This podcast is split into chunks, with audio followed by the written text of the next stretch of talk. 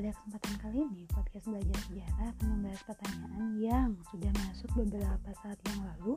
Pertanyaannya adalah, bagaimana cara orang di masa lalu atau negara di masa lalu menentukan negaranya masuk ke dalam negara maju, berkembang atau miskin? Kalau sekarang kita bisa mengukurnya melalui salah satunya pendapatan per kapita. Nah, kalau orang di masa lalu atau negara di masa lalu bagaimana caranya? Khususnya untuk wilayah Eropa. Nah, pada kesempatan kali ini kita akan membahas mengenai hal tersebut.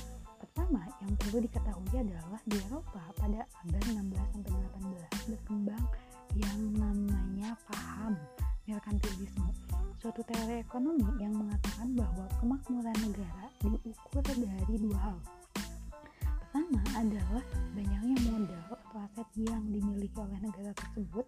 Dan yang kedua adalah banyaknya volume perdagangan internasional yang dilakukan oleh negaranya. Itulah yang kemudian menjadi tolak ukur negara tersebut dapat dikategorikan sebagai negara maju, berkembang atau miskin. Nah, di dalam perkembangannya berkembang juga yang namanya 3G sudah tidak asing lagi kan dengan yang namanya 3G ada gold, glory, dan gospel. Gold ini berkaitan dengan emas. Kalau di masa lalu bahkan sampai dengan hari ini emas itu memiliki harga jual yang tinggi. Nah di masa lalu juga sama emas itu punya harga jual yang tinggi tapi dalam periode tertentu sempat tergeser harganya itu oleh rempah-rempah di mana rempah-rempah itu harganya sangat tinggi. Bahkan di buku sejarah Indonesia dikatakan sebagai mutiara dari timur. Kemudian selanjutnya glory. Glory itu adalah kekuatan kejayaan luasnya wilayah yang dikuasai oleh suatu negara. Contohnya misalkan Portugis. Dalam menguasai negara mereka selalu menancapkan yang namanya padrao padrao itu semacam patok yang menyatakan bahwa itu adalah kekuasaan dari Portugis. Selanjutnya apa? Selanjutnya itu adalah gospel. Agama di sini menjadi salah satu tolak ukur negara tersebut bisa dikatakan sebagai negara makmur atau tidak di mana agama itu menyebar bukan hanya di negaranya tapi meluas ke berbagai wilayah. Nah, pertanyaan berikutnya adalah apakah merkantilisme ini menjadi pemicu datangnya bangsa Eropa ke wilayah Nusantara? Sepertinya kita perlu mencari tahu jawaban-jawabannya. Silakan baca kembali buku-buku sejarahnya, adakah kaitannya atau tidak. Dan kita akan membahasnya juga di podcast-podcast selanjutnya. Pemberitahuan, kalau misalkan ada topik yang ingin dibahas, silakan hubungi saja. Jika memungkinkan, nanti kita akan membahasnya. Terima kasih telah mendengarkan podcast ini. Sampai jumpa di podcast-podcast selanjutnya. Wassalamualaikum warahmatullahi wabarakatuh.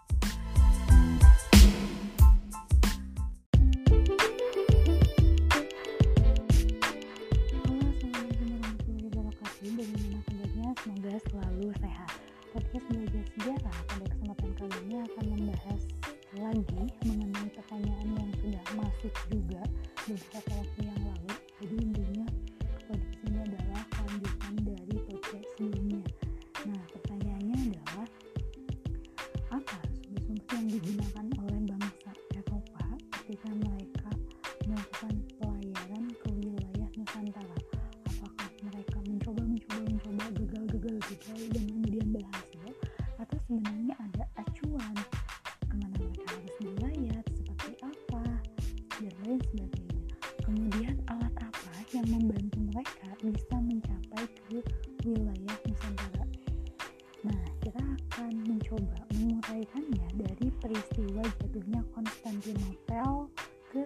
Turki Utsmani 1453 ya kita tidak asing lagi ya dengan tersebut. Di mana ketika Turki Utsmani berhasil menguasai Konstantinopel banyak penduduk di sana yang kemudian melakukan perpindahan karena tidak suka dengan pemerintahan yang baru mereka melakukan perpindahan. Perpindahannya ke mana? perpindahannya itu adalah ke Spanyol ke Portugis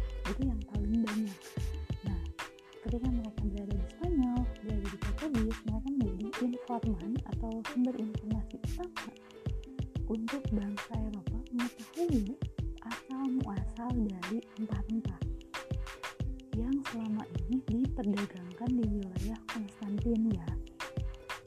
Nah, selanjutnya itu apa? Selanjutnya itu adalah catatan perjalanan Marco Polo. Catatan perjalanan Marco Polo dari Eropa ke wilayah Asia, dari wilayah Italia ke wilayah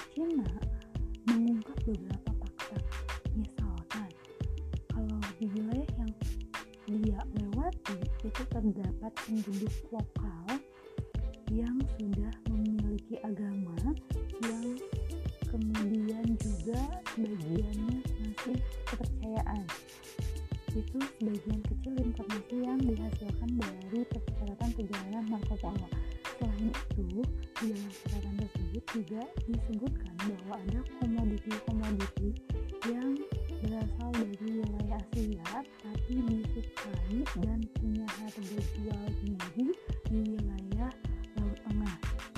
Contohnya apa? Contohnya misalkan kapur baris dan lain sebagainya.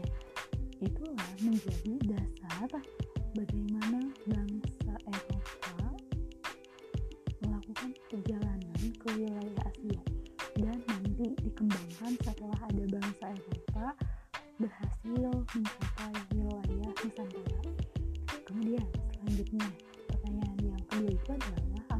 apa yang mempermudah mereka bisa melakukan perjalanan ke wilayah Nusantara.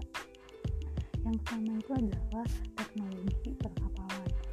Teknologi perkapalan kemudian mulai berkembang. Mereka mulai mengembangkan kapal yang bukan hanya berkapasitas dua atau tiga orang tapi mereka juga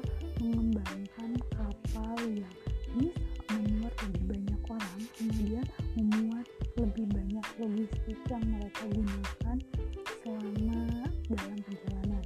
Itu teknologi kapalnya kemudian didukung oleh penemuan kompas perkembangan ilmu kartografi.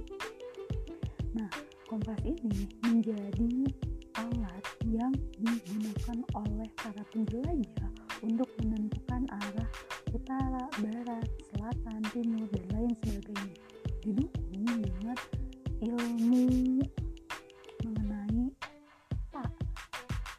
perjalanan itu akan sia-sia kalau tidak ada apa yang mereka acu.